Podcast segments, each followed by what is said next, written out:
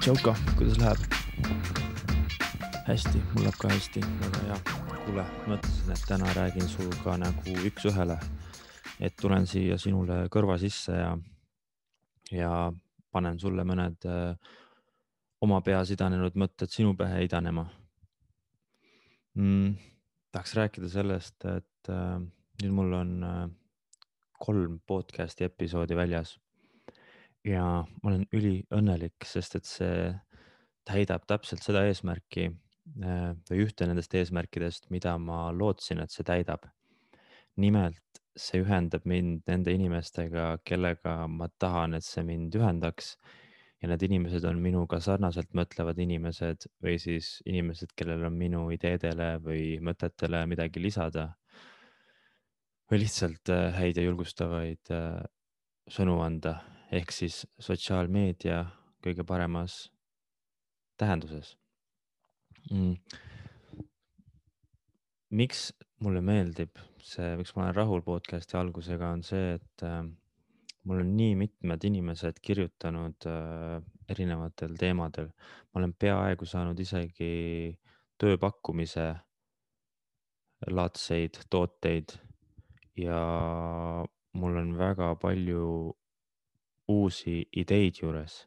mul on, äh, inimesed jagavad, mida lugeda, mida teha, äh, mida, mida vaadata ja mu üks äh, hea vana sõber Patrik saatis mulle sellise, andis mulle sellise inimese nagu Twitteri kasutaja on Naval. ühesõnaga üks väga tark mees, kes on angel investor ja kõik muud jutud, mis sa olema pead, et tänapäeval väga edukas inimene olla ja tal on seal siuksed erinevad pikemat sorti Twitter äh, storming või kuidas ta seda nimetab, et siuksed lõngad, kus ta siis kirjutab erinevaid asju lahti ja üks nendest äh, asjadest, mis ta kirjutab, on siis, et kuidas olla rikas. ja ma loeksin siit äh, mõne tweet'i ette, mis mind on väga tõsiselt äh, mõtlema pannud. Code and media are permissionless leverage. They are the leverage behind the newly rich. You can create software and media that works for you while you sleep. An army of robots is freely available. It's just packed in data centers for heat and space efficiency. Use it. If you can't code, write books and blogs, record videos and podcasts. ja ärge saage valesti aru, et nüüd mul on kolm podcast'i episoodi väljas ja ma arvan, et ma olen ilgem tegija. mitte seda, aga nüüd mul on natukene nagu klikkinud oma peas, mul on sihuke väikest viisi heureka moment olnud, et ma saan aru, mis potentsiaal on internetil päriselt ja et kuidas üheksakümmend üheksa protsenti inimesi seda ei kasuta. me lihtsalt vaatame mingit sitta päevad läbi internetis ja siis äh, arvame, et see ongi see võlukepp või uus tehnoloogia, mis meile on tulnud ja et äh, aastaks kaks tuhat kakskümmend üks me oleksime eeldanud, et on lendavad autod ja kõik muu. aga asi on selles, et tegelikult internet on nii palju suurem ja võimsam tööriist, kui me tegelikult täna seda adume. ja täpselt sellepärast, et pane ennast sinna välja, sa pead enda munad kokku korjama ja lihtsalt seda tegema ja siis sa saad vastu täpselt seda, mida sa pead vastu saama, sa saad vastu täpselt nii palju väärtust, kui sa välja paned, täpselt nii palju sa saad ka vastu. mis on üliloogiline, aga samas ei ole ka igatahes, mida ma tahan teha, on ka teid innustada mõtlema tuleviku suunal just selles mõttes, et internet ei kao meie elust mitte kuskile.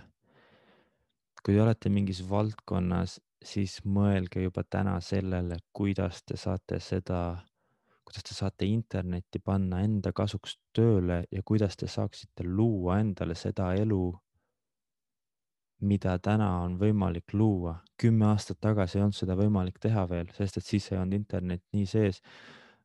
rääkimata meie vanematest, eks ole, ja eelmistest generatsioonidest. tänapäeval on see võimalus, et ma võin rääkida, mis on minu nagu wildest dream praegu.